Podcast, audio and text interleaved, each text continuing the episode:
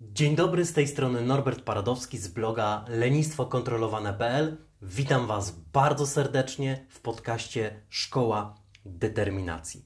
Za nami długi, sześcioodcinkowy cykl Szkoła Postanowień Noworocznych. Podczas tego cyklu uczyłem Was krok po kroku, w jaki sposób możecie po pierwsze wybrać właściwe postanowienie, takie, które realnie będziecie chcieli, które jest Wam potrzebne i które macie szansę realizować, oraz w jaki sposób je zaplanować, określić, jak stworzyć plan działania, tak aby maksymalnie zwiększyć szanse realizacji tego postanowienia. Z uwagi na fakt, że to był długi materiał, przerabialiśmy go prawie dwa tygodnie, postanowiłem na samym końcu stworzyć podsumowanie jedną, podcastko, jednoczęściową pigułkę wiedzy na temat realizowania postanowień noworocznych. Co jest najważniejsze w tym wszystkim? Punkt pierwszy to wybranie właściwego postanowienia. Zanim jednak to zrobicie, pamiętajcie, że przez cały czas poruszamy się w aspekcie wiedzy, jak realizować to, co sobie założymy. Wiedza jest czynnikiem X. Wiedza jest czynnikiem kluczowym, który sprawia, że te osoby, które coś postanawiają, wyznaczają sobie swoje cele i następnie je realizują, rzeczywiście tego dokonują. Te osoby najzwyczajniej w świecie wiedzą jak, ponieważ wypracowały sobie taką wiedzę świadomie albo gdzieś nieświadomie w toku życia, w toku procesu socjalizacji.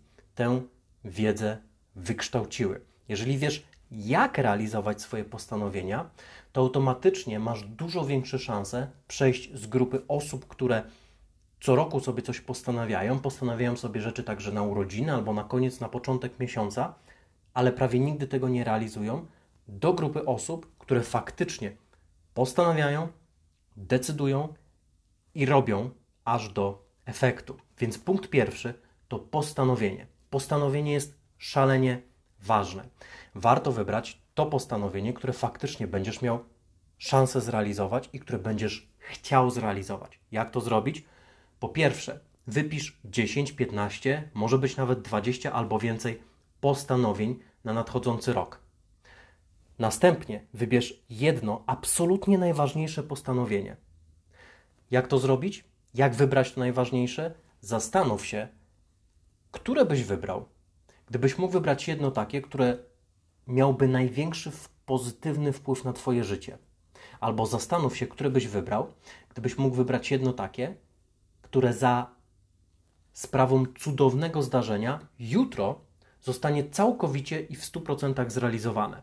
W ten sposób wybierzesz swoje najbardziej istotne postanowienie. Warto tutaj zastosować także zasadę 7-7, Zasada 7.7 jest następująca. Musisz pragnąć zrealizować swoje postanowienie w skali od 1 do 10 na poziomie co najmniej 7 oraz musisz wierzyć, że zrealizujesz swoje postanowienie w skali od 1 do 10 minimum na poziomie 7. Jeżeli to postanowienie spełnia zasadę 7.7, to jest najprawdopodobniej doskonałym postanowieniem do zrealizowania w ciągu nadchodzącego roku. Jednocześnie też dobrze jest owe postanowienie skonkretyzować. Chcę schudnąć, to jest słabe postanowienie, ponieważ ono jest zbyt ogólne. Chcę schudnąć 15 kg przez najbliższe 6 miesięcy. To jest postanowienie dobrze sprecyzowane. Jeszcze lepiej. Chcę schudnąć 16 kg przez najbliższe 6 miesięcy i zrobię to, budując nawyk regularnych ćwiczeń, zmieniając nawyki dietetyczne. Mózg lubi konkret. Lubimy konkretne plany, ponieważ wtedy wiemy, co robić, wiemy, kiedy robić oraz wiemy, jak to robić. Natomiast najważniejsze w tym wszystkim jest to, żeby wybrać właściwe postanowienie, ponieważ możesz z całej siły wspinać się po drabinie do góry, a na końcu uświadomić sobie, że była ona przystawiona do złej ściany. odpowiednie formułowanie postanowienia. Chcę schudnąć x kilogramów do określonej daty, zrobię to w taki i taki sposób. Zmienianie tego na plan to jest odpowiednik wspinania się po drabinie. Natomiast najważniejsze, aby przyłożyć tę drabinę do właściwej ściany, czyli wybrać to postanowienie, które będzie miało największy wpływ na Twoje życie, które uznasz za najbardziej istotne do zrealizowania, które spełnia zasadę 7-7. Następnie dzielimy owe postanowienie, dzielimy ten cel. Dlaczego? Dlatego, że duże cele potrafią być bardzo przytłaczające. Duże cele potrafią być zniechęcające. Ja z jednej strony zachęcam do tego, żeby stawiać sobie duże, ambitne cele, a z drugiej strony zachęcam, aby te cele dzielić na mniejsze części. Tutaj niewątpliwą inspiracją był dla mnie Mirek Burnejko i jego zasada trzech poziomów, którą sobie nieco rozbudowałem. I teraz o tym powiem kilka słów, bo więcej oczywiście znajduje się w poprzednich częściach podcastu. Weźmy mój case. Zanim schudłem 50 kg, wtedy kiedy ważyłem dokładnie 122,6 kg, miałem ambitny i prawie że nierealny dla mnie cel, aby przebiec 5 km. Nie byłem w stanie wtedy biec dłużej niż mniej więcej jakieś 3 minuty bez zadyszki, a ta zadyszka zmuszała mnie do zatrzymania się w miejscu i przejścia nie tyle w marsz, co w bardzo spokojny i powolny spacer. Przy czym nie mówimy tutaj o bieganiu szybkim, a raczej o powolnym truchtaniu, które było nieco szybsze od zwykłego marszu. Po trzech minutach takiego truchtu musiałem się zatrzymać, a moim celem było 5000 metrów. To było 100% celu.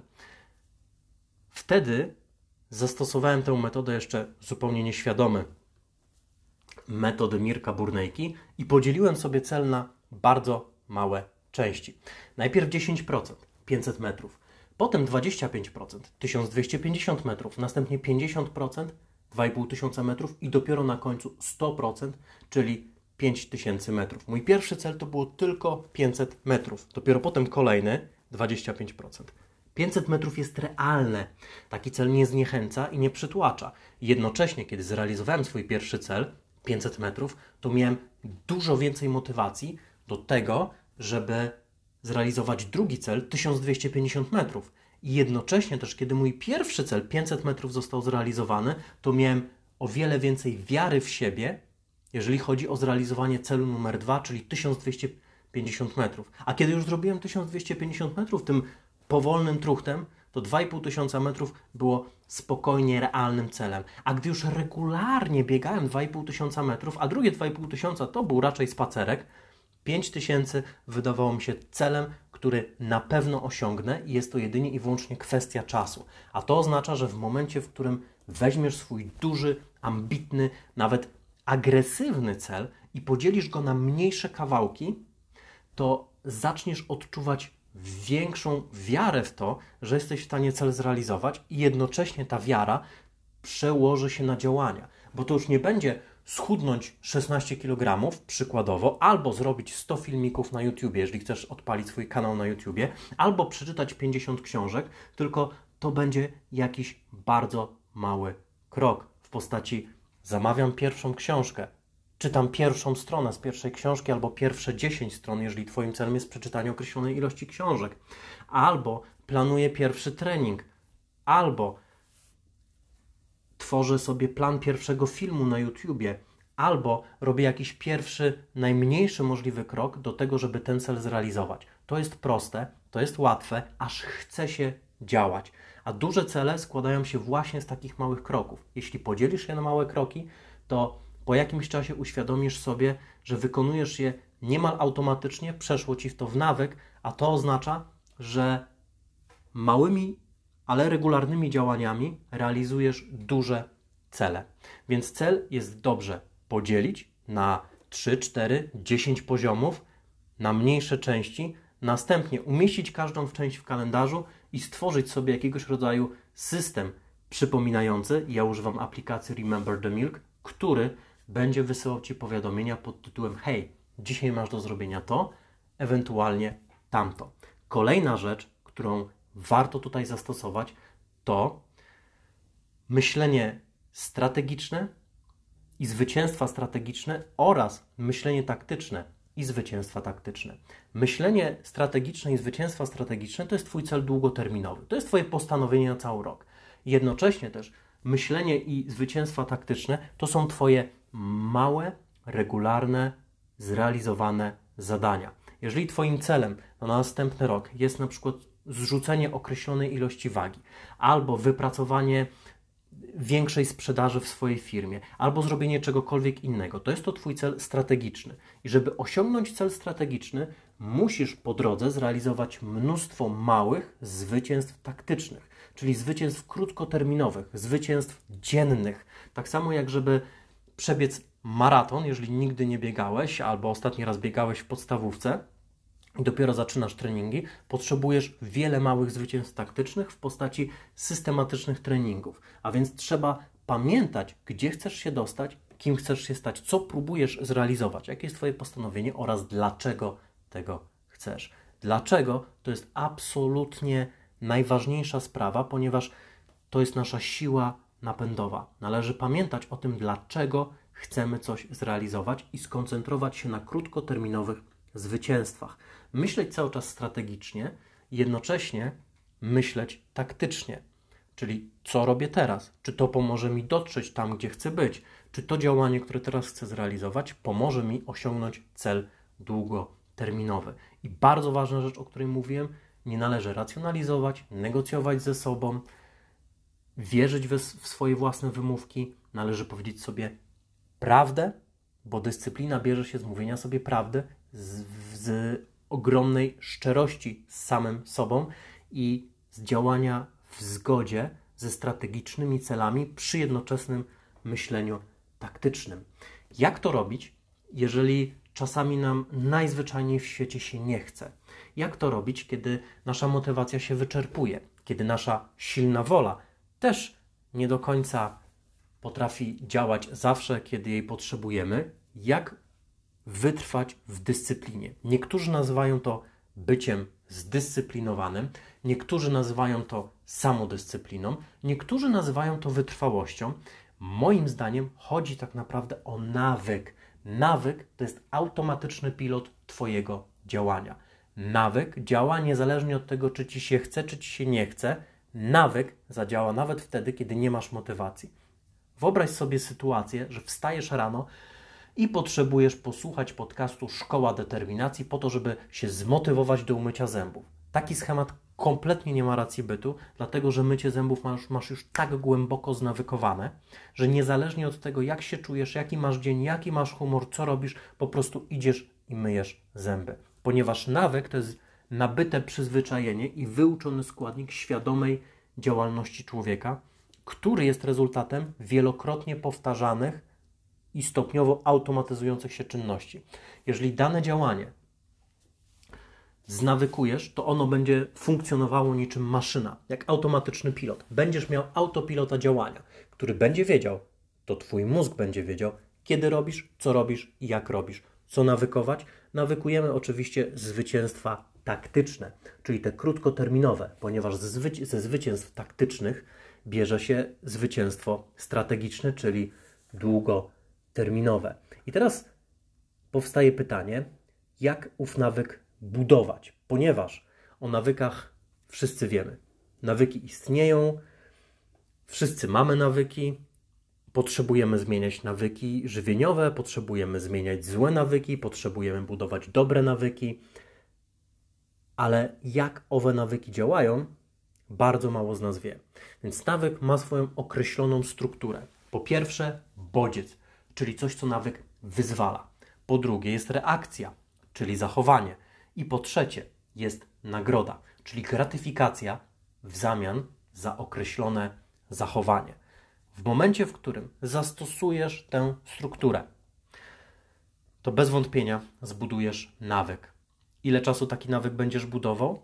Od 13 do mniej więcej 180 dni, w zależności od tego, na ile nawyk jest skomplikowany. I dobra wiadomość jest taka, że im dłużej budujesz nawyk, czyli im dłużej utrzymujesz systematyczne działanie, tym łatwiej jest ci owe działanie podjąć.